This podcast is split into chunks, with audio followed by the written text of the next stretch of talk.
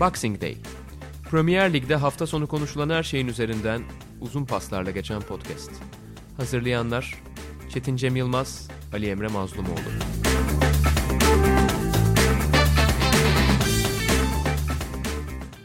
Sokrates Podcast'e hoş geldiniz. Premier Lig'de şampiyon belli oldu. Liverpool 30 yıl sonra kupayı kazandı. 30 yıllık makus tarihini, talihsizliklerini ve olumsuzlukları bir kenara iterek ligin zirvesine olağanüstü bir dominasyonla oturdu Liverpool. Boxing Day'de ben Ali Emre Mazlumoğlu, Çetin Cem Yılmaz'la birlikte bugün sadece Liverpool'u konuşacağız. Evet 30 yıl geçti son şampiyonluğun ardından ve bugün Manchester City'nin Chelsea'ye inmesinin ardından artık matematiksel olarak işi garantiledi ve kupaya uzandı. Maçtan sonra tabii hem oyuncuların hem taraftarların hem Jurgen Klopp'un reaksiyonunu gördük ve çok duygulu bir aslında kutlama yaşandığı da belli oluyor. Şehir için bu şampiyonluğun anlamını da düşündüğümüzde zaten çok önemli bir başarıya adım atıldığı ortaya çıkıyor. Ama biz her şeyden önce bu şampiyonluğa nasıl gidildi, bunun yapı taşları nasıl döşendiden ziyade neler hissettiğimize biraz bakalım programın bu ilk bölümünde. Sen de bir Liverpool taraftarsın aslında iyi bir İngiltere Ligi takipçisi olarak ve Liverpool taraftarı olarak bu 30 yıllık dönem ardından gelen bu şampiyonluk ilk önce sende ne hissettirdi? Çok zor tabii cevaplaması ama yani çok büyük bir rahatlama ve böyle bir ilk birkaç dakika ne olduğunu da anlamadım açıkçası. Tabii çok duygulandım. İnsan pek çok şeyi perspektife koyuyor böyle zamanlarda. Yani işte şimdi o tabii 30 yılın tamamını Liverpool taraftarı olarak yaşamadım ama şimdi biraz yaşım da belli olacak. Bir yaklaşık hani 20-25 senesini Liverpool taraftarı olarak geçirdim. Yani ve başladığı dönemler Liverpool'un bu kadar hani şampiyonluk hasreti daha yeni başlamış. Dolayısıyla ortada bir hasret yoktu hani her sene o sene bu sene gibi başlıyorsunuz ve sonra hüsran oluyor. Çok e, makasın açıldığı zamanlar oluyor. Hiç hayal bile edemediğiniz hani bu sene şampiyon oluruz diye kafanıza koymadığınız bile sezonlar oluyor.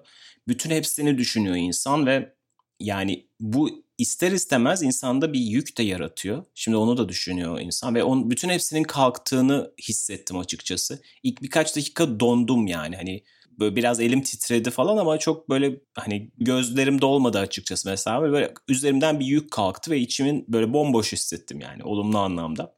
Ve şu ilginçti. Sonrasında tabii biraz daha şampiyonluk videoları, Jurgen Klopp'un konuşmaları falan filan deyince o işte asıl duygulanma kısmı başladı.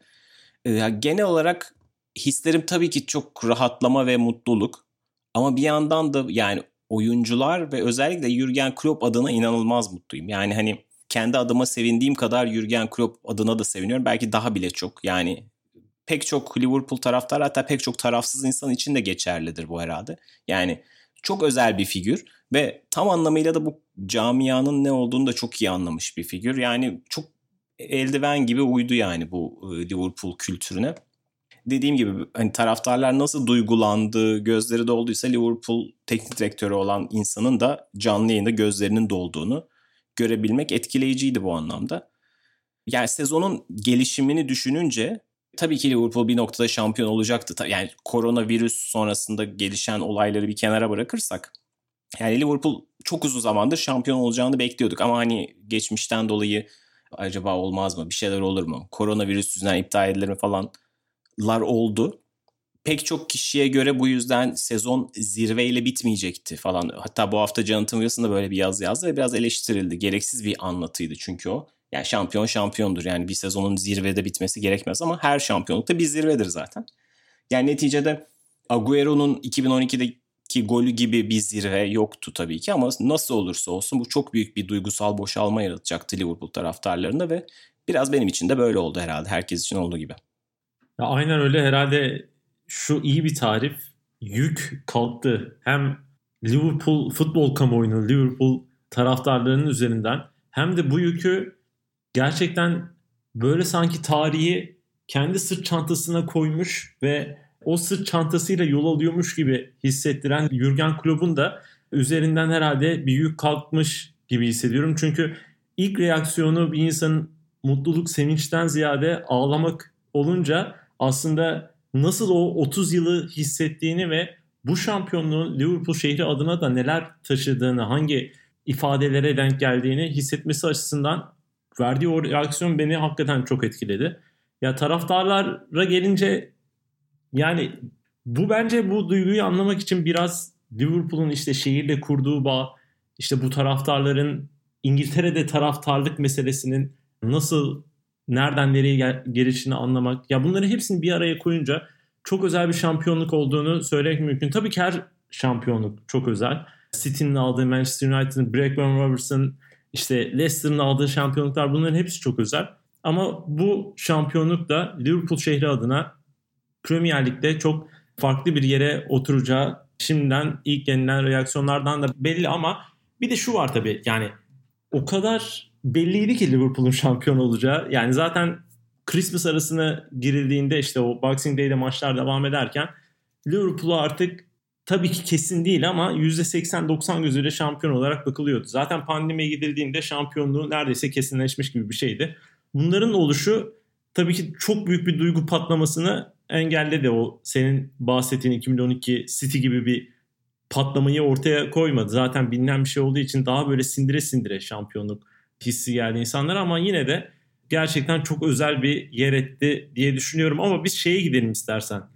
8 Ekim 2015'e Jurgen Klopp'un Liverpool'da imzayı attığı güne işte ben normal one'ım diye açıklama yaptığı güne ve o basın toplantısında şimdi iki gündür de dolaşıyor. 4 yıl içerisinde şampiyon olacağız diye bir nevi söz verdiği güne dönelim ve Jurgen Klopp'un Liverpool'a gelmesinin bu şampiyonlukta ilk adımı nasıl oluşturduğunu değerlendirelim. İstersen o noktadan başlayalım. O sezondan önce Liverpool bir tane çok iyi bir sezon yaşamıştı 2013-14'te ve şampiyonluğun kıyısından dönmüştü. Brandon Rodgers'la ve yeni bir kuşak yakalıyor gibiydi açıkçası. Yani Luis Suarez'in yanına Coutinho, Sterling gibi gençler de olan hatta o dönem işte Suso vardı, Luis Alberto vardı falan onlar da gittiler geldiler. Sonra gittikleri takımlarda başarılı oldular. Liverpool işte meşhur Steven Gerrard'ın ayağının kaymasıyla şampiyonluğu kaybetmişti. Ertesi sene onun üzerine çıkılabileceği düşünülürken Suarez Barcelona'ya gitti. O paralar çok kötü harcandı. Liverpool berbat bir sezon geçirdi ve Steven Gerrard'ın da kötü vedası oldu. Yani Brandon Rodgers'la yapılması, kurulması beklenen inşaat ikinci senesinde çöktü. Yani Brandon Rodgers'ın değil ama o zirvenin ikinci senesinde. E, bunu şuradan hatırlıyorum çünkü o sene 2013-14 sezonu artık hani Liverpool'un şampiyon olamayacağı belli olmuştu ama yine de o son maç için ben İngiltere'ye gitmiştim. Çünkü hani Liverpool şampiyon olursa o, o şehirde o atmosferi yaşamak istiyorum diye. İşte kader biz 30 sene sonra o şampiyonluğu başka şartlarda yaşıyoruz şu anda. Yani kimse doğru Başka bir kıtada. Evet ve şu an o Liverpool şehri de umduğumuz gibi coşamıyor yani. Enteresan bir hayattayız şu anda. Neyse işte o sene şehirdeki atmosfer hala tabii ki hayal kırıklığı vardı o şampiyonluk kaybedildiği için ama bir tezahürat vardı onu yazıhanede de yazmıştım. İşte Brandon Rodgers Liverpool şimdi zafer yollarında Shankly'nin dizdiği gibi kurduğu gibi bir takım kuruyor ve bu çocuklar da kendi hikayesini yazacaklar gibi bir tezahürat vardı. Yani öyle bir beklenti vardı ama onun üzerine o Suarez parası çok kötü harcandı dediğim gibi ve Rodgers bunu yapamadı. Ve 2014-15 sezonunda işte öyle geçince 15-16'ya bile aslında Rodgers'la başlanmayabilirdi. Yönetim ona biraz daha şans verdi. Ama Klopp boştaydı ve Klopp futboldaki en heyecan verici direktördü o zamanlar. Yani özellikle boşta olan. Henüz bir süre takım çalıştırmayacağım falan diyordu ama belli ki işte o fırsatı çok iyi gördü yönetim ve ona gitti. Ya bu şu anlamda çok değerliydi. Klopp tabii ki Dortmund'la yaptıkları çok önemli ama onun dışında da Liverpool o zamana kadar hiç böyle en sıcak, en gözde teknik direktörle anlaşmamıştı. 2004 yılında Rafael Benitez çok gözdeydi ama ilk başta o sene Jose Mourinho ile görüştü Liverpool ama Chelsea'ye gitti Mourinho. Yani Benitez de çıkışta bir hocaydı ama Mourinho gibi işte special one değildi yani. Daha sonra da Manchester United için ya da Manchester City için, Chelsea için hep böyle top isimler hocalık yaptı ama Liverpool hep başka bir yerlere gitti. Yani ya böyle veteran hocalar, Roy Hodgson, Kenny Dalglish gibi ya Brandon Rodgers gibi aslında gelecek vadede ama sonuçta Swansea'de en yüksek kariyer noktası olan hocalara gitmişti. Hani Avrupa'dan böyle şampiyonluk kazanıp gelmiş falan ve o kadar gözde dediğim gibi Benitez haricinde bir örnek yoktu. Klopp'la Liverpool ilk defa o iddiayı ortaya koydu. Daha sonra bunu transferlerle de destekledi tabii ki. Ve o çok uzun bir yolun sonucu aslında bu dört buçuk seneyi yavaş yavaş da programın bir noktasını anlatabiliriz ama yani Klopp'un getirdiği en önemli şey o iddiaydı. Yönetim bu iddiayı koydu ve arkasında bir şekilde doldurdu. Bahsettiğim basın toplantısı çok çok önemliydi. Ben sırf onun üzerine de bir yazıhanede bir yazı yazmıştım ve hani Liverpool o beyanı koydu ortaya. Biz artık en üstlerde yarışacağız ve hedefi olan bir kulübüz de, diyebildi Liverpool o noktada. Ve Klopp ya İngiltere'de medyayı yanınıza almak çok önemlidir. Kamuoyunu yanınıza almak çok önemlidir. Bunu çoğu teknik direktör yapamaz ve hemen karşınıza geçerler. Hani sizi yerler. Klopp muazzam zaten sempatik bir adam. İlk günden hem kendi taraftarını hem de medyayı avucunun içine aldı. Yani yakaladı onu. İşte e, taraftarına gönderdiği mesajlar az önce konuştuğumuzla benzer şekilde biz tarihin yükünü omzumuzda taşıyamayız diye ilk günden kulübün üzerinden o baskıyı almaya çalıştı. Çünkü Liverpool her sene yükü daha ağırlaşan bir kulüp. O geldiği sene 25 yıldır şampiyon olamıyordu. İşte sürekli dediğim gibi artan bir yükle devam ediyor. E diğer taraftan 4 yıl içerisinde şampiyon olabileceğiz. Bunun sözünü verebilirim. Olmazsa da İsviçre'ye giderim deyip şakasını da yapan falan bir adam. Hem iddiayı koyuyor ortaya ama aynı zamanda da hani bunun dalgasını da geçebiliyor. O da üzerine koyduğu şey de çok değerli bir slogandı. Artık şüphecilikten inanmaya geçmemiz lazım diye taraftarı da oradan hani o hayali tırnak içinde sattı. Taraftarları o hayali inandırdı.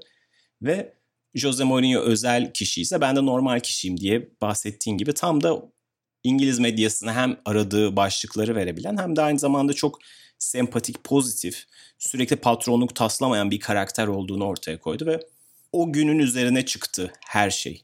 Ve Liverpool tabii ki bunu zaman içerisinde sahada da desteklemeye başladı. İlk sene içerisinde Liverpool iki tane final oynadı. Bir tane Avrupa Ligi, bir tane League Cup. Ligi 8. bitirdi ama oynanan oyun özellikle o sene işte tepe takımlarına karşı Manchester City'ye karşı, Manchester United'a, Chelsea'ye karşı alınan sonuçlar falan hep umut vericiydi. Avrupa'da da zaten Manchester United'ı da eledi. Bütün bunlar yavaş yavaş o ilk sezon yarım sezondu tamam ama Liverpool adına bir yola girildiğini gösterdi ve yavaş yavaş her sene daha ilerleyerek üzerine bir şeyler koyarak da bu noktaya gelmeyi başardı. Liverpool'un her sene lig sıralaması bir öncekinden daha iyi. Her sene daha önce yapmadığı bir şeyi yapmış oldu. Bir sene Şampiyonlar Ligi işte finali geldi kazanamadı ama ertesi sene Şampiyonlar Ligi'ni de kazandı. Bir sene ikincilik geldi kazanamadı ama bu sene de işte o geldi. Ya bu 5 sene 4,5 sene diyelim ya olağanüstü bir ilerleme hikayesi oldu Klopp adına açıkçası ve yani hem yönetim hem de bu proje adına diyelim. Evet yani yönetimin de bu başarının ilk adımlarını atma konusunda ciddi bir payı var. Zaten Gerard da yaptığı paylaşımda onlara da bir gönderme yapmış. 2010 yılında Liverpool'u satın almıştı Fenway Group ve o tarihten itibaren aslında kulübün yapısını modernize etme konusunda çok önemli adımlar attı. Çünkü Liverpool için hep sen de yakından bilirsin tartışmayı. Daha böyle geçmişte yaşayan 90'ları 2000'leri hazmedememiş daha böyle 80'lerde kalmış kulüp o şekilde o kafayla yönetilen bir kulüp eleştirileri de çok vardı bir önceki yönetime göre. Ve aslında ilk oradan başlayıp daha kurumsal bir inşa aşamasına girmişti Fenway Group. İşte yani Brandon Rodgers'ın getirilmesi de çok zor ikna edildiğini de biliyoruz. İşte o şampiyonluğa oynayabilecek takımın yaratılması. Yani mesela örneğin bugünkü Liverpool'u düşündüğümüzde ilk aklımıza gelen şeylerden biri Liverpool'un çok iyi antrenman yapıyor oluşu. Çünkü çok meşhurdur. Çok fazla yazıya da konu oldu. Antrenmanlarda çok sık sık yaptıkları şeyleri mükemmelleştirmek adına o yapılan şeyleri sahada da yansıtmayı başaran bir takım. O antrenmanların en büyük payı işte Pep Linders. Kulübün yardımcılarından biri. O kulüpten önce katıldı takıma ya da Michael Edwards sportif direktör. Salah ısrarla takıma isteyen adam. O da mesela Klopp'tan e, önce tabii sportif direktör olarak değil ama daha alt kademelerden önce katılmıştı Klopp'tan önce. Yani bir inşa vardı ama en önemli adım tabii ki şüphesiz tartışmaya açık bir konu değil. Klopp'un takıma kazandırılması oldu. Hatta o konularda da konuda da böyle komik yanları da var. Klopp Amerika'ya gidiyor Almanya'dan.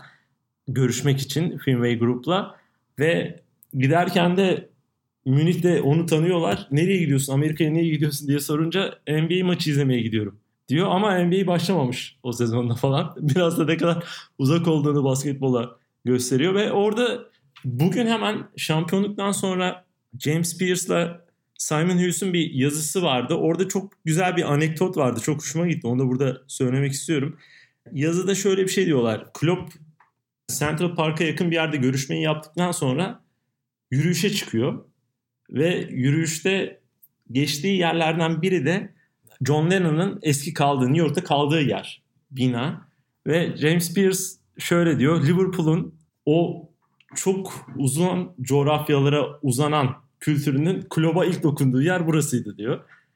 Ve o Klopp da zaten bence hani böyle tabii ki bütün teknik direktörleri bilmiyorum gelmiş geçmiş ama muhtemelen en iyi iletişimci teknik direktörler deyince ilk sıralara yazılan adamdır bütün futbol tarihinde söylüyorum. Çünkü kendi taşıdığı mesajı karşı tarafa geçirme konusunda ve karşı tarafın düşüncelerini anlama konusunda herhalde yani bir numaralı teknik direktör şu an için ve dünyada da çok sayılı gelmiş geçmiş sayılı e, hocalardan biri ve Liverpool'da çok iyi anladı. Kendi düşüncelerini de Liverpool'a çok iyi kattı ve ortaya hakikaten her konuda yarışmacı bir takım ortaya çıktı. Senin değindiğin mesele o kadar önemli ki şüphecileri inananlara çevireceğiz konusu. Çünkü herhalde yanlış hatırlamıyorsam iç sahadaki birinci ya da ikinci maçta Liverpool gerideyken takım sahayı terk ediyor. Ve o maçtan sonra Jürgen Klopp'un şöyle bir açıklaması vardı. Kendimi çok yapayalnız hissettim. Hı hı. Ya bu böyle olmaz. Herkesin burada kalması yani. lazım diye. Ve o sezon West Bromwich maçıydı.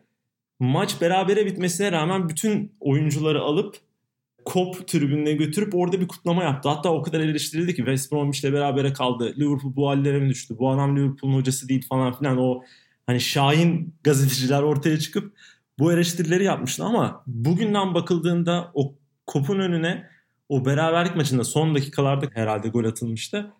Ya gidilmesi bile ne kadar değerli olduğu bugünden bakılınca hissediliyor. Yani mesela ilk takım toplantısında bütün kulüp çalışanlarının işte mutfakta çalışanından masörüne falan toplanıp herkes birbirini tanımalı biz aile olacağız falan gibi bazen hani şey gelen klişe gelen insana ama bir atmosferin yaratılmasında bir şehrin bir takımın bir hedefe kilitlenmesinde ne kadar önemli olgular olduğunu biliyoruz bunları ve şimdiden bakınca çok daha iyi görüyoruz. Bir de şuna değinelim. Şimdi sağ içine de bakmaya daha ayrıntılı bakmaya başlayalım. Program öncesinde hemen bir şeye baktım. Liverpool'un ilk 11'ine baktım. yani kalede Mignole, geride Mamadou Sakho ile Skirtel. İşte beklerde Moreno, Klein, Emrecan, Lucas orta sahada. Önlerinde Milner, Coutinho, Lallana ve en önde de Origi. Yani ilk 11'i bu kulübün ve bugün gelinen nokta. Ve bugün geldiği nokta işte dominasyon kuran, şampiyon olan kadro. Şimdi yavaş yavaş bu dönüşümü istersen irdeleyelim. Klopp burada ne tür dokunuşlar yaptı? Oyun olarak, taktik olarak Liverpool'a neler kattı ve bu dominasyonu kuracak bu yapıyı nasıl geliştirdi? Şimdi tabii o yılı da biraz hatırlayarak evet gitmeye çalışmak lazım. O sene Liverpool'un elinde bir tane hani yine süperstar kalibresinde sayabileceğimiz belki bir tane oyuncu vardı. O da Coutinho'ydu. Ve zaten Coutinho da o sene Avrupa Ligi'ne giden yolda çok hani önemli maçlar oynamıştı. Firmino aslında bir Klopp transferi değil ama yani aslında Firmino'yu Klopp sürece dahil etti. Çünkü o yaz gelmişti ama Rodgers hiç bir türlü Firmino'nun dilinden anlamıyordu. İşte onu sol kanatta falan sol açıkta oynatıyordu.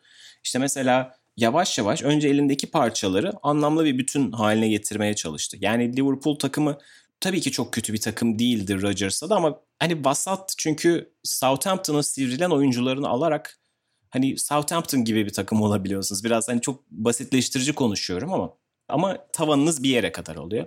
Şu şey demiyorum yani her zaman çok başarılı, süperstar transferi, pahalı transfer yok işte iyi futbolcularla oynanır bu iş falan gibi böyle bir hamaset yapmak istemiyorum ama Liverpool'un genel olarak işte yaklaşımı buydu. İşte Klein'ı saydın, e, Lallana'yı saydın. Ondan önce Lambert de alınmıştı. Zaten Lovren de alınmıştı. Hani gerçekten Southampton'dan bir hat vardı. Yavaş yavaş Klopp hem bahsettiğim Michael Edwards ve transfer komitesi ve Klopp'la beraber bir futbol aklı oluştu. Hatta yani şuradan alalım. Michael Edwards'ın o transferi, Firmino transferini yaptırdığı söyleniyordu ve çok eleştirilmişti. 28 milyon bu adama neden verilir bunu yönetime açıklamak zorunda gibi bir haber vardı. Bu hala İngiltere dalgası geçilen bir haber. Çünkü Firmino gelinen noktada ne kadar kritik bir oyuncu haline geldi. Şimdi o takımı da özellikle küçük görmek istemiyorum. Çünkü Klopp önce o takımı bazı işte artı yönleriyle iyi kötü hani maçları kazanan, en azından hedef maçları kazanan bir takım haline getirmeyi başardı. UEFA Avrupa Ligi'nde final hiç küçümsenmeyecek bir şey. Çünkü çok o kalibrenin takımı değildi o da. Ama işte Coutinho gibi bireysel yeteneği olan, ara ara parlayan Sturridge ile genelde biraz bu iki oyuncunun sırtına basarak yükselen işte Benteke'nin de o seneki formuyla bir yerlere gelmeye çalışan bir takımdı. Yani çok benzemez parçalardan kuruluydu ve bunu kısa sürede değiştirme şansı yoktu Klopp'un. Biraz pragmatik yaklaştığı bir seneydi o. Yani kafasındaki futbola çok uyan parçalar yoktu orada. Sonra yavaş yavaş işte mesela bir sene takıma Mane katıldı. Ertesi sene Salah katıldı. Bunların her biri takıma böyle bir tık yukarı çıkartan hamleler oldu. Yani bir sonraki sene Mane'nin gelmesi Liverpool'a belki fazladan bir 15 puan yazdı ve Liverpool ilk 4 içerisinde bitirmeyi başardı. Ve ertesi sene Salah gelince Liverpool ilk defa 2017-18 sezonunda hani o heyecan veren, maçları bir anda 4-5 gollü biten, farklı galibiyetler alan ve Avrupa'da da finale kadar yürüyen bir takım haline geldi. Yavaş yavaş o dokunuşu yapması ve daha çok tabii ki hani hep konuştuğumuz bu sene Manchester United'ın başına gelen. ilk başta Liverpool bu hedef maçları kazanıyordu dediğim Manchester City'yi yeniyordu Liverpool. Chelsea'yi yeniyordu ama işte o bahsettiğin Crystal Palace'ı yenemiyordu bir türlü. Ya da West Brom kilidini bir türlü açamıyordu. O Tony Pulis takımlarına karşı tıkanıyordu. Fakat yavaş yavaş o olağanüstü pres futbolunu biraz daha keskinleştirdi. Daha fazla galibiyet almaya başladı. Dediğim gibi ilk dörde kendini atmaya başladı ama hala bir noktada o Tony Pulis takımları, o Crystal Palace'lar falan filan Liverpool'a hep ters geliyordu. Ama yavaş yavaş onları da geliştirdi. İşte savunma bir yumuşak karındı. Oraya Van Dijk alındı. O da çözüldü. Takım bir noktaya kadar iyi gidiyordu ama ondan sonra bir kaleci problemi ayyuka çıktı. Çünkü hani Liverpool belki A seviyeye yükselmişti ama A plus olamıyordu. Çünkü o gerçekten hani iyi takımlarla süper takımlar arasındaki farklardan bir tanesi kaleci. Hani kalecinin ne kadar büyük bir lüks olduğu bazen unutuluyor. Ama Alisson Liverpool'a o ekstrayı da verdi. Ve her sene bir seviye daha üste çıkarmayı başardı Klopp bu takımı. Ama yani şimdi bunu sadece transferlere de bağlamıyorum. Çünkü bu oyuncuların Alisson haricinde hiçbirisi hazır gelmedi. Salah dahil, Mane dahil hatta Van Dijk da dahil. Van Dijk hiçbir zaman bu seviyede oynamış bir oyuncu değildi. Ne kadar iyi olduğunu biliyorduk ama Southampton'daki iyilik bazen size Lovren'i de getirebiliyor. Yani o her zaman size şey yapmıyor yani size en üst seviyeye doğru düzgün tercüme etmeyebiliyor bazen orta sıralardaki bir başarı. Ve işte Andy Robertson gibi küme düşmüş bir takımdan gelip Klopp'un sistemine yani muazzam uyan, çok hırslı, çok enerjik bir sol bek. Newcastle'la yine küme düşmüş Wijnaldum'un böyle bir oyuncu haline gelmesi. İngiltere'de dalga konusu haline gelen Jordan Henderson'ın İngiltere'nin en değerli oyuncularından bir tanesi haline gelmesi. İşte Chelsea'de tutunamayan Salah'ın yani tamam Roma'da iyi bir sezon geçirmişti ama bu da her zaman dediğim gibi bir garanti değil yani iyi bir oyuncudan süperstara dönüşmesi çok değerliydi. Yani önemli olan Liverpool o yapıyı oluşturdu ve Klopp o oyunculardan her birinden yani bir iki tanesi dışında her oyuncudan yüzde yüz almayı başardı. Her oyuncu iyi bir oyuncu olarak geldi belki ama hepsi kariyer zirvesi yaşadı. Yani bahsettiğim gibi yavaş yavaş korkunç bir makineye dönüştü Liverpool. O enerjisiyle, presiyle, temposuyla ve bitiriciliğiyle, keskinliğiyle, belki maçlardaki pragmatikliğiyle, o senin söylediğin detaycılığıyla ve olağanüstü bir kazanma makinesi haline geldi. Liverpool 3-4 sene önce belki çok iyi bir kontratak takımıydı 2-3 sene önce. Şu anda Bayern Münih gibi oyunu böyle hani güçle tamamen rakibe hükmederek kazanan ve bıktırarak kazanan bir takım haline geldi. Bu çok enteresan bir dönüşümdü açıkçası. Evet yani adımların böyle yavaş yavaş atılıyor olması ve bu atılan adımlarda yani opsiyonların hiçbirinin bir kenara atılmaması ve hepsinden tek tek yararlanılmaya çalışılması bence çok önemliydi. Yani mesela Lovren'e bile ilk Şampiyonlar Ligi finaline giden süreci hatırlarsak Van Dijk'in yanındaki ikinci isim Lovren'de. Hatta Lovren'in bir tam o olay şaka mıydı tam emin değilim ama bir açıklaması vardı. Takımı finale taşıdım gibisinden bir o tam Avrupa Şampiyonası finali dönemi. Dünya Kupası mıydı? Dünya Kupası'ydı. O dönemde. Yani hakikaten yani yol gidilirken böyle klubun yanında olan herkese sarılma ve kimseyi böyle opsiyon dışında bırakmama olayı var. Mesela Sako olayı da onunla o kadar uğraştı ki evet sen daha iyi bir topçu olursun olabilirsin diye çok hani 11'e koyduğu hatalar yaptı ve en son onu gözden çıkarttığı olay artık bu doping meseleleri ortaya çıkınca git dedi. Yani Coutinho meselesi de onunla da çok iyi geçindi ama Coutinho ne zaman ben gitmek istiyorum artık oynamak istemiyorum dediğinde opsiyon dışı kaldı. Yani herkesi bir noktadan alıp belli bir noktaya çıkarma konusunda olağanüstü bir başarı gösterdi. Sen zaten önemli örneklerini tek tek saydın ve ya hakikaten bazı şeyler akıl almaz ya. Henderson'ın geldiği nokta insan düşünüyor nasıl böyle bir gelişim gösterebilir ki bir de Henderson sonuçta genç bir oyuncu da değil. Ve kulübün elinde hiç olmadığı kadar iyi bir hale geldi ve hiç olmadığı kadar iyi bir lider haline geldi. Orası da çok önemli. Ve bence Klopp için ve Liverpool için bu dominasyonun en büyük kırılma noktalarından biri de Manchester City rekabetiydi. Çünkü ya her takımın böyle bir şeyi vardır ya bölüm sonu canavarı. işte Last Dance'i izledik orada nasıl Chicago'nun bölüm sonu canavarı Detroit'te ya da Arsene Wenger'in çok uzun süre Manchester United'da. Liverpool için de Manchester City'ydi. Çünkü City o kadar inanılmaz bir dominasyon kurmuştu ki o iki sene boyunca. 100 puan artı 98 puan. Acayip bir seviye gösterince Liverpool onu geçmek için başka bir şey yapmak zorunda kaldı. Ve o da oyununu değiştirmesine neden oldu. Yani Liverpool evet çok iyi kontra atak yapıp çok iyi pres yapıp sadece kontra atak da demek mümkün değil de direkt oyunla daha doğrusu belki daha iyi açıklayıcı olur. Direkt oyun ve presle kaleye gidip golleri bulmayı biliyordu ama bütün birlikte yani geride kalan 19 takıma dominasyon kurmak için topla ne yaptığınız da çok önemli top ayaktayken ve Liverpool bunu çok iyi öğrendi. Yani 2 sene 2,5 sene öncesine kadar o Manchester City ile girdiği rekabet onu rakip maçı tamamen rakiplerin yarı sahasında oynayan, pas yaparak ya da kanatlar kanat organizasyonlarıyla gol bulmaya çalışan bir takım haline getirdi. Mesela ben son maçı izlediğimizde 4-0 aldıkları maçı yani o kadar çeşitli dikkatli izleyince o kadar çeşitli setleri olduğunu görmek mümkün ki işte Fabinho'nun ya da Henderson'ın çıkardığı başka setler var. Trent Alexander-Arnold'la Robertson'ın tamamen çizgiye açıldığı bir set var. Henderson'ın sağ çizgiye kayıp Arnold'un iç koridora geçtiği, Firmino'nun böyle derine düştüğü. Ya böyle set set set dolu dolu bir set takımı aslında. Yani topla ne yaptığını çok iyi bilen ama topsuz da ne yapacağını çok çok iyi bilen bir Liverpool. Yani oyunun iki yönünde makine gibi oynayan ve makine olmak genelde böyle bir kötü bir algı yaratıyor. Sanki hani daha çok böyle Doğu takımlarının ya da Sovyet takımlarının şeyiyle özdeşleştiği için aslında öyle değil. Makine olmak iyi bir şeydir. İyi antrenman yaptığınızı, iyi bir takım, iyi bir takımdaşlığa sahip olduğunuzu gösterir ve Liverpool bunu ortaya koyarak bugünkü dominasyona inanılmaz bir şekilde çıktı. İstersen biraz geçmiş sezon ve bugünkü sezona, bu sezona daha doğrusu ayrıntılı bakalım. Bu sezona daha temel alarak bakalım. Geçtiğimiz sezon kupayı kazandı ve Şampiyonlar Ligi şampiyonu oldu.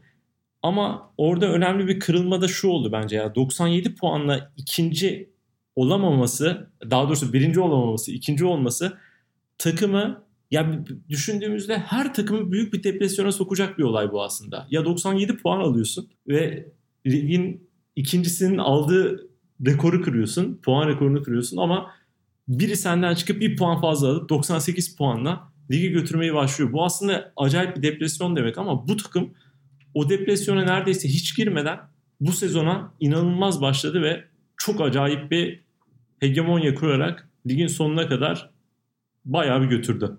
Evet ve bunu neredeyse hiç belirgin bir takviye de yapmadan yani en azından böyle direkt olarak Salah, Mane falan ayarında bir tane star transferi yapmadan e, neredeyse geçen senenin takımıyla yaptı Liverpool.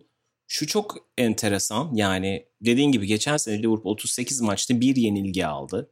Yani neredeyse kazanılabilecek bütün maçları kazandı. 30 maç kazandı Liverpool. Yani korkunç bir istatistik ve ikinci oldu. Ya açıkçası ben geçen sene bazı yazılar okuyordum. Bir yerde görmüştüm. Sanırım The Anfield Rap'te yazarlar kendi aralarında sezon tahminleri falan yapmışlardı. Bir tanesi benim hislerimle çok yakın. Ya geçen sene mental olarak o kadar yıprandık ki çünkü bir hafta Manchester City öne geçiyor, bir hafta Liverpool öne geçiyor işte.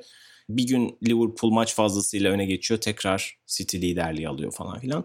Bu mental olarak o kadar yıpratıcıydı ki eğer Liverpool bu sene kazanamayacaksa ben hiç yarışa girmeyelim, üçüncü olalım buna razıyım demişti. Yani buna çok katılıyorum. Çünkü taraftar olarak sizi bu kadar yıpratan, duygusal olarak zorlayan bir şeyden bahsediyoruz.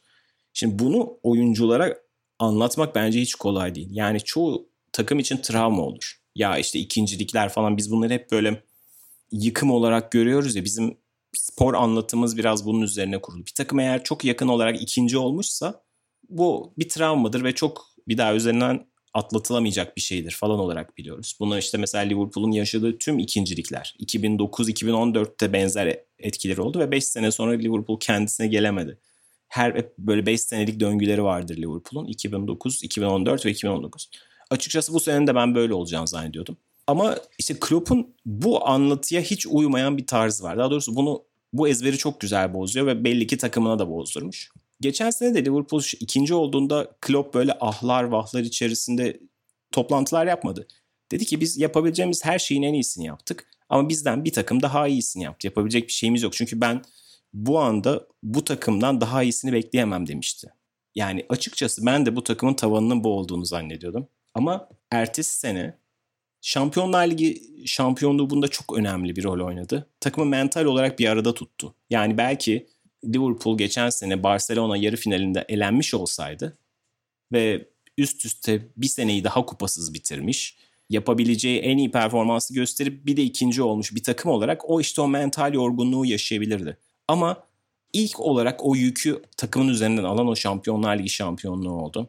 7 yıl sonra Liverpool'un kazandığı ilk kupaydı. Hiç küçümsenecek bir şey değil. Yani 7 yıl, 2012'den itibaren Liverpool'un hiç kupası yok yani. Dolayısıyla o yük üzerlerinden kalktıktan sonra bu bir aşamasıydı. İkincisi de bence dediğim gibi Klopp'un pozitif yaklaşımı ve inadı. Yani Klopp aslında çok güler yüzlü bir adam olduğu için ne kadar hırslı birisi olduğunu unutuyoruz. Yani bu oyunun gördüğü en büyük hırs karak hırslı karakterlerden bir tanesi. Yani şu beni çok etkiliyor.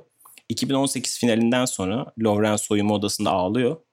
Yanına gidiyor diyor ki yani üzülme ben 6 tane final kaybettim. Ağlanacak birisi varsa bağlayacak birisi varsa ben varım gibi bir şey söylüyor.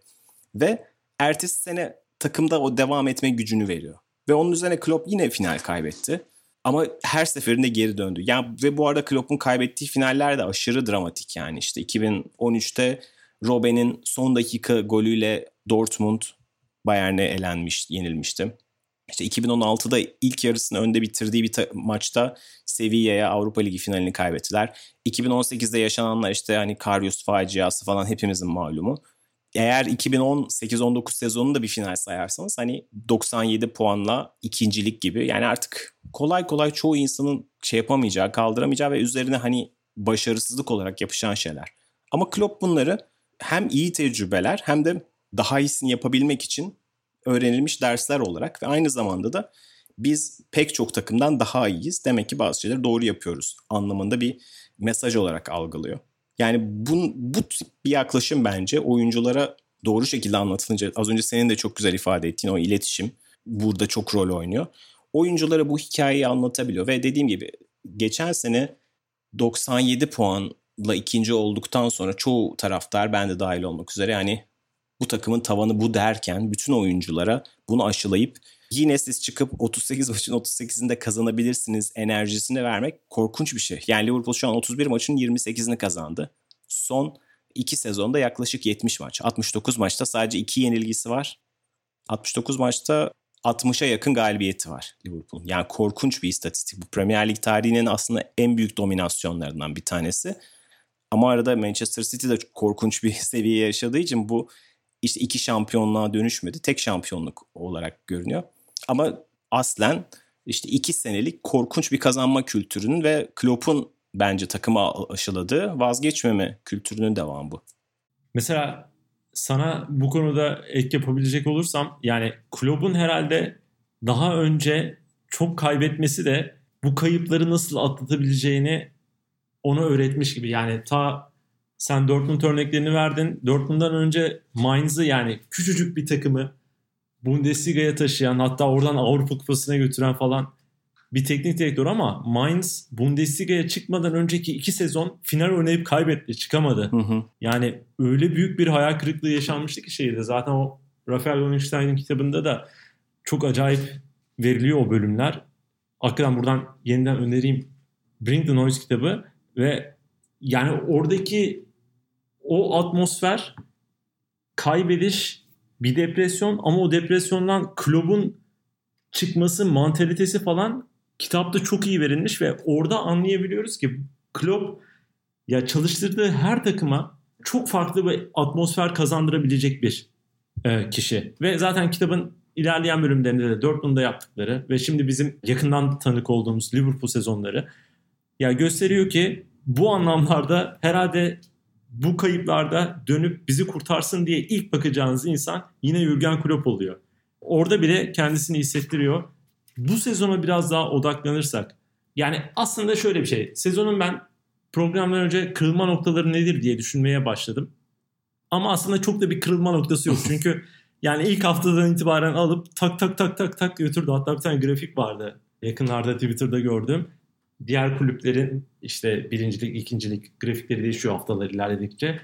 Liverpool hep zirvede kalıyor. Dümdüz bir grafik böyle. Yani hakikaten çok böyle kırılma noktası yoktu ama herhalde şunu da hatırlamak gerekiyor bence.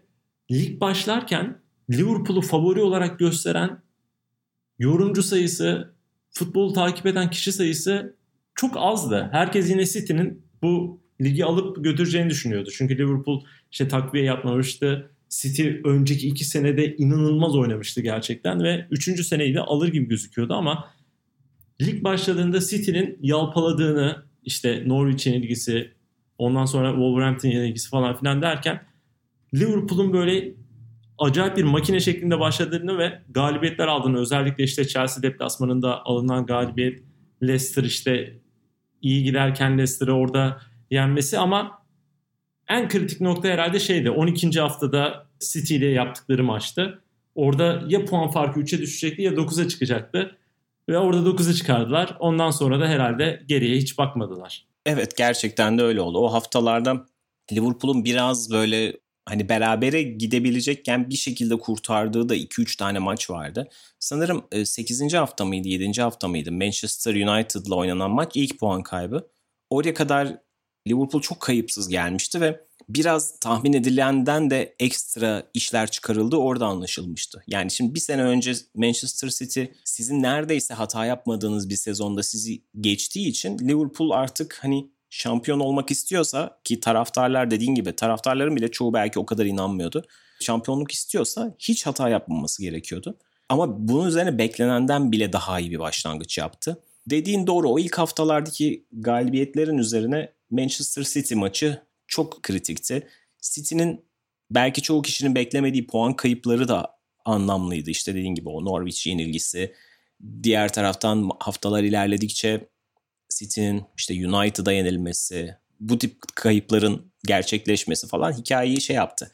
Acaba oluyor mu diye getirdi. Ve zaten Liverpool ritmini tutturduktan sonra yani neredeyse hiç tökezlemeden Watford maçını saymazsak hiç hata yapmadan getirdi. Yani korkunç seriler yakaladı. O Watford maçı da kazanılsaydı zaten e, hem Premier Lig tarihinin yenilgisizlik serisi rekoru kırılacaktı. İç saha galibiyet serisi rekorunu kırabildi Liverpool bu esnada.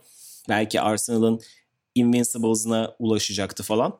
Ama dediğin doğru. Çok böyle kırılma noktası olan bir sezon değildi. Ama geçen sene o kadar acayip bir yere çıktı ki Liverpool ve City arasındaki rekabet. Hani bu sene birisi şampiyon olacaksa yani böyle olması gerekiyordu. Onu hissettirdi Liverpool. Hani City'nin belki normal standartlarına göre vasat bir sezonuydu.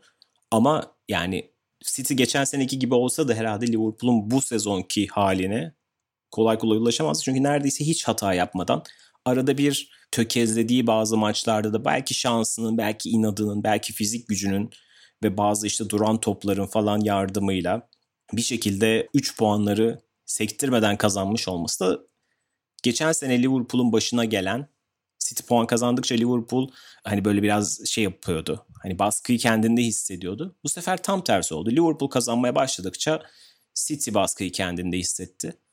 Ve hani dün yani önceki gün Liverpool Crystal Palace'ı yendikten sonra hani o havada çok şey kokusu vardı. Çoğu kişi bugün Liverpool'un şampiyon olacağını biliyordu. Çünkü City o baskıyı hissediyor. Zaten formda bir takıma karşı gidiyorlar. Stamford Bridge deplasmanında Chelsea'den galibiyet çıkarmaları çok kolay görünmüyordu. Geçmiş senelerin City'si olsaydı bu 3 puan yazılabilirdi. Ama bu sene artık o yükle çok fazla baş edemeyeceklerini hissettiriyordu. Savunma problemleri var işte mental olarak biraz yorgun o 3. sezon problemleri var ve zaten artık yetişemeyecekleri de belli. Hani ortada da başka hedefler varken hem FA Cup hem Şampiyonlar Ligi hedefleri varken çok ağır olarak buraya artık yoğunlaşabilecek durumda değiller. Ve evet çoğumuz biliyorduk bugün City'nin Chelsea'yi orada yenemeyeceğini ve öyle de oldu. Çünkü bu sene City bu tip maçlarda hep takıldı. Yani Tottenham deplasmanında da yenildiler. United'a iki maçta yenildiler. Liverpool'a da yenildiler. Yanılmıyorsam Guardiola tarihinin en çok yenilgi yaşadığı sezonunu da yaşamış oldu. Yani böyle bir sezondu. Ama bu sezonda biraz getiren şeylerden bir tanesi Liverpool'un o amansız hiç hata yapmadan her hafta kazanıyor olması. O biraz baskıyı daha çok City üzerine yıkan şeylerden bir tanesi oldu.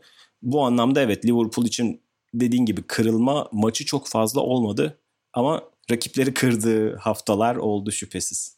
Oyunculara baktığımızda senin için en öne çıkan oyuncu kim? Şimdi konu hani Liverpool olunca Liverpool'un en iyisi kim demek sorusu çok zor. Çünkü çok ciddi bir takım oyunu var.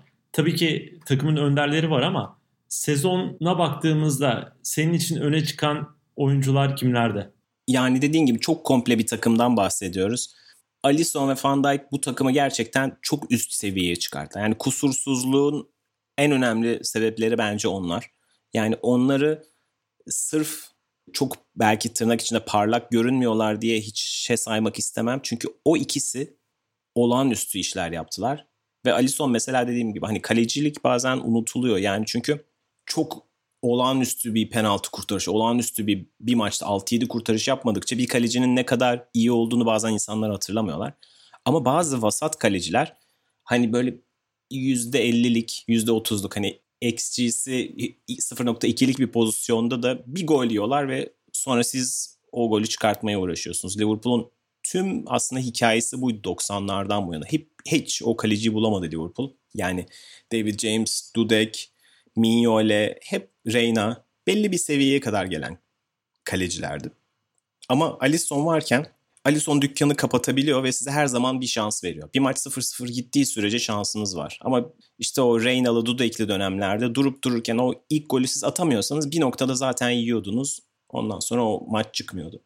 Van Dijk'ı aslında anlatmaya gerek bile yok. Son iki sezondur dünyanın en iyi oyuncusu. Yani o bireysel ödüller başka oyunculara gidiyor olabilir. Bunun bence bir önemi yok. Çünkü iki senedir Liverpool'un değil dünyanın en iyi oyuncusu Van Dijk. Bunları bir kenara koyayım. Onun dışında dönem dönem Mane çok fazla maç aldı. Firmino dönem dönem çok özel performanslar sergiledi. Salah belki 2017-18 performansının altında kaldığı için, o 47 gol attığı sezonun altında kaldığı için insanların gözünde ya çok iyi değil deniyor ama o düzeyde bir süperstarınızın olması çok önemli.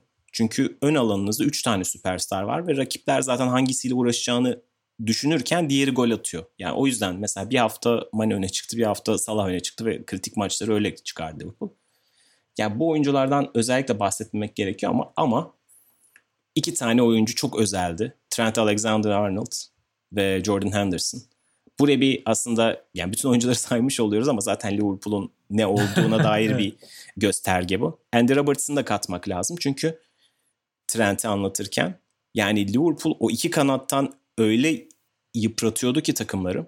Trent Alexander-Arnold zaten kendi başına bir sağ bek olarak oyun kurucu performansı gösterdi. Sadece asistleri de değil. Yani o, o kadar önde oynuyor, işte ceza sahasına da giriyor, ortalar da yapıyor, çizgiye de iniyor ama tam az önce senin çok güzel özetlediğin gibi içeri de kat ediyor. Yani gerçekten son yıllarda elbette beklerin önemini hep konuşuyoruz. İşte bazen ofansif bir bekin olması, Marcelo gibi sizi başka bir yere getiriyor ama bu sadece ofansif yetenekleri olan bir bekten bahsetmiyoruz biz. Direkt oyuna yön veren, takımın oyununu domine eden bir sağ bekten bahsediyoruz. Trent Alexander-Arnold adeta pozisyonunu yeniden tanımlayan bir oyuncu oldu. Belki önümüzdeki yıllarda bunu Bayern Münih, Kimmich ve e, Alfonso Davies üzerinden hani çeşitlendirecek ama şu anda kesinlikle back anlamında devrimci bir performans koyuyor ortaya Trent Alexander-Arnold. Ters kanadındaki Andy Robertson'ın da tabii bu yüzden hani payını vermek istedim. Çünkü bazen işte onun karşısında olması, ters tarafında olması da benzer etkiyi 2 ile çarpıyor. Liverpool soldan sağa doğru o pasları o kadar çok yaptı ki bu sene. Andy Robertson topu alıyor. Oyun o tarafa yığılmışken bir anda ters tarafa attığında Trent'in önünde bomboş bir alan kalmış oluyor ve oyun bir anda çok genişleyebiliyor. Yani bu çok büyük bir lükstü ve bir tanesi altyapıdan gelmiş bir oyuncu, bir tanesi küme düşen Hull City'den gelmiş bir oyuncu. Yani bu Klopp Liverpool'un özeti gibi iki oyuncu. Bu çok değerliydi bence. Ee, hiçbir oyuncu, yani daha doğrusu bir ikisi dışında hiçbirisi süperstar değil. Hepsi sistemin getirdiği oyuncular. Ve Jordan Henderson. Jordan Henderson çok konuştuk. İstersen onu, hani senin de ondan bahsedeceğini düşüne, düşünerek pası sana mı atayım orada? Ya aslında evet Henderson hakkında da ben konuşmuş olayım. Yani çok bence yani Henderson'ı şimdi nasıl açıklayacağımı da bilemiyorum. Yani sağ içinde yaptıkları ama sağ dışında yaptıkları da o kadar önemli ki. Mesela sene içerisinde yanılmıyorsam Ocak ayında Pep Linders'ın bir Guardian röportajı vardı. Yani bu antrenmanlar çok başarılı olunca ona antrenmanları soruyorlar. Nasıl başarılı oluyor diye. Ya benim çok bir şey yapmama gerek yok. Çünkü takımda Milner'la Henderson var. O zaten antrenmanların temposunu bu ikisi belirliyor demişti. Yani sırf buradan bakınca bile takıma önderlik edişi, takımın temposunu belirlemesi ve en önemli şey de bence şuydu. Yani Fabinho sakatlandığında ki Fabinho çok iyi başlamıştı sezona. Acayip götürüyordu. Özellikle City maçında şu Crystal Palace maçına benzer bir gol atmıştı hatırlayacaksın uzaktan. Bir anda sonra bir sakatlandı ve orada ben özellikle çok korktum. Çünkü çok özel bir rolü var Fabinho'nun takımda. Ya savunma önünde oynaması, işte kanatların da biraz Fabinho'ya güvenerek bu kadar ileriye çıkışı çıkıyor oluşu falan. Ama orada Henderson ki Henderson tam olarak DM bir oyuncu da değil yani defans özellikleri Fabinho kadar gelişmiş olan ya o bölgede iyi oynayabilecek, çok iyi performanslar gösterebilecek bir oyuncu değil özellik olarak. Ama o kadar iyi doldurdu ki Fabinho'nun yerine. O noktada takıma o kadar büyük önderlik yaptı ve bazı maçlarda da zaten skor anlamında da katkılar yaptı. Ve bir anda o büyük boşluğu tam olarak doldurmuş oldu. Hatta o dol, doluluğun üzerine kendinden de bir şeyler koyarak artı bir avantaja çevirdi gerçekten o durumu. Ya bence çok acayip de Henderson'ın yaptıkları.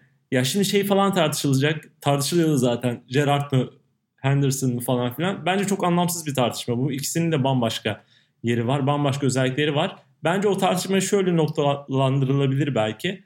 Yani Gerrard'dan aldığı bayrağı en iyi yere koydu Henderson herhalde bu sezon itibariyle. Onu çok iyi yapmış oldu. Bir tane özel bir sorun var.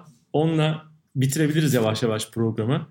Şimdi bütün aslında konuştuk Liverpool'u, Klopp'un etkisini, oyuncuları, takımın inşasını. Ama sonuçta bir 30 yıldan da bahsediyoruz. 30 yıldır kazanılamayan bir kupa var. Ama bu 30 yılın içerisinde tabii ki Liverpool yarışmacı olduğu sezonlar oldu. Yani yüzüp yüzüp kıyısına gelip başarı elde edemediği sezonlar oldu. İşte onlar hatırladığımız en yakın örnekler işte Spice Boys örneği var. Fowler'lı takım. Ardından 2008-2009 sezonu sen de biraz değindin o aklıma geliyor. Orada çok çok iyi bir takım vardı. Şampiyonluğa gidemedi. Gerard Houllier'in takımı vardı. O sezon Arsene Wenger'e takıldı. Onları geçemedi. E, Brandon Rodgers'ın takımı vardı. O da işte bu arada klipler dönüyor şimdi şampiyonluk klipleri de. Kliplerin hepsi de Gerard'ın ayağa kayıp düşüyor falan. Adamı da gele, gelecek sezonlar böyle hatırlayacak. Çok ağrıma gidiyor biri de o da. O da çıkarın kardeşim yani orada. Yani neyse yani böyle şey hep böyle bir ucuna kadar gelip kazanamama durumu vardı. Yani bir iki özelliği sayarsan bunu bu sezon kırdı ya Liverpool ve artık kazandı. İngiltere'nin birinci takımı oldu ki İngiliz takımlar için aslında kendi liginde birinci olmak en önemlisidir. Şampiyonlar Ligi'nden ziyade kendi ligini alabiliyorsan artık en iyi takım olabiliyorsun. İşte bu en iyi takımı yapmakta diğer başarısızlıktan ayıran bir iki nokta. çok şey anlattık ama böyle sa- sana çarpıcı gelen bir iki noktayı anlatırsan ne gelir? Ne söylersin? Ya çok geniş dönemler ve biraz da farklı takım karakterleri var ama şöyle mesela bahsettiğin Spice Boys dönemi benim Liverpool'u sevdiğim dönemdir. Steve McManaman, Jamie Redknapp, Robbie Fowler yani çok genç ve hani İngiliz bir kısmı da hatta Liverpool altyapılı kökenli tamamen ve çok iyi hücum futbolu oynayan bir takım. Ama o takım hep mesela naifti ve savunması hiç iyi değildi ve kaleci de yana da hiç şansı dönmedi. O dönemin hikayesi biraz buydu. Gerard Houllier döneminde bir türlü doğru transferler yapılamadı. Aslında Gerard Houllier çok iyi bir futbol aklıydı ve Liverpool'u modernize eden, hani Arsenal'e Wenger'in yaptığını Liverpool'a yapan hocaydı. Mesela Dazon'da bir tane şey hikayesi var. Gary Neville'ın bir tane programı var. Oyuncular konuk oluyor ve yarım saat bir saat konuşuyorlar. Unutamadığı maçlar falan filan. Steven Gerrard'ın konuk olduğu bölümde Gary Neville diyor ki yani biz 90'larda o içki kültürünü geride bıraktık. Ama siz bizden daha sonra geldiniz ve bu maçlarda kendi belli ediyordu. Yani biz 60. dakikadan sonra hala ayaktaydık çünkü daha profesyonel yaşamaya geçmiştik. Ama Liverpool geçmemişti henüz diyor. Gerrard da buna hak veriyor. Diyor ki hani benim takımda oynadığım ilk sene 99-2000 senesi. İlk maçtan sonra pub'a git götürdüler beni. Çünkü adet buydu ve gerçekten her maçtan sonra akşamları pub'a gidip beraber içerlermiş. Bu 80'lerden bahsetmiyoruz. 99-2000 sezonundan bahsediyoruz. Yani hani futbolun o endüstriyelleştiği falan. Hani Arsenal'li oyuncuların yemeklerine, besinlerine dikkat ettiği falan filan. Manchester United'ın da benzer şekilde profesyonel yaşadığı dönemde Liverpool daha o geçişi ta 2000 yılında yapabilmiş. Ve diyor ki işte ertesi sene Roy Evans döneminde bu vardı. Ertesi sene Gerard Houllier geldi ve bitti. En azından Gerard Houllier o modernizasyonu yaptı. Ama onun da hep transfer döneminde işte özellikle Fransız pazarına çok odaklanmıştı. Fransız ve Fransız sömürgesi olan Afrika ülkeleri diyelim. Ve oradan umduğu başarıyı Wenger'in işte Vieira, Petit, Henry üzerinden yakaladığı başarıyı hiç yakalayamadı.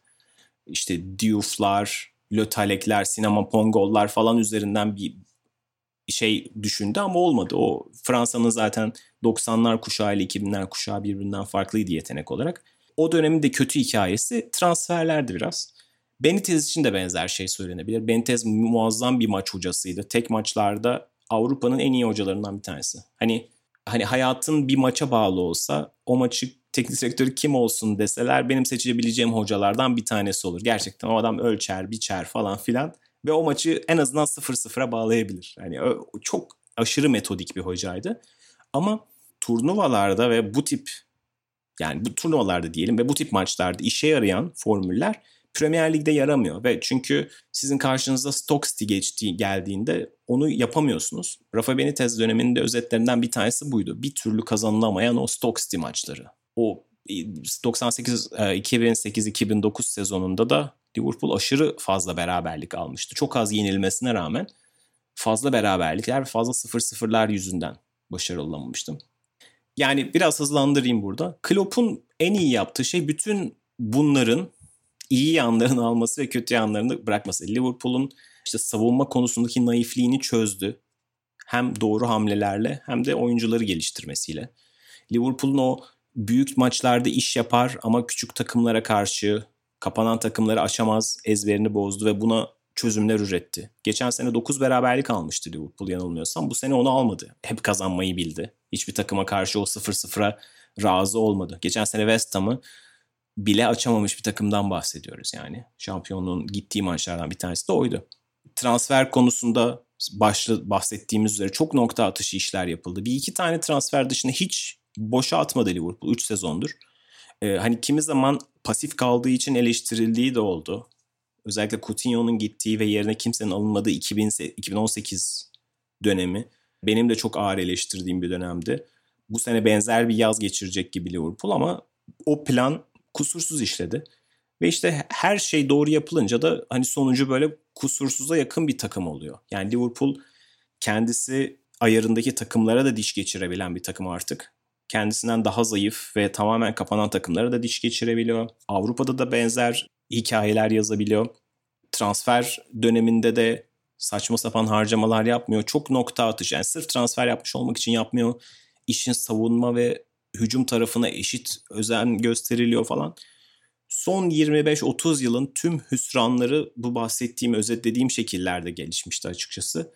Klopp döneminde ve Klopp'un da ilk yıllarında yaşanan hayal kırıklıklarından da ders alınarak 2016 Avrupa Ligi finali, 2018 Şampiyonlar Ligi finali, 2019 lig ikinciliği her noktada kendisini yenilemesi ve ertesi sene biraz üstüne koyması bence bu başarının sırrı oldu.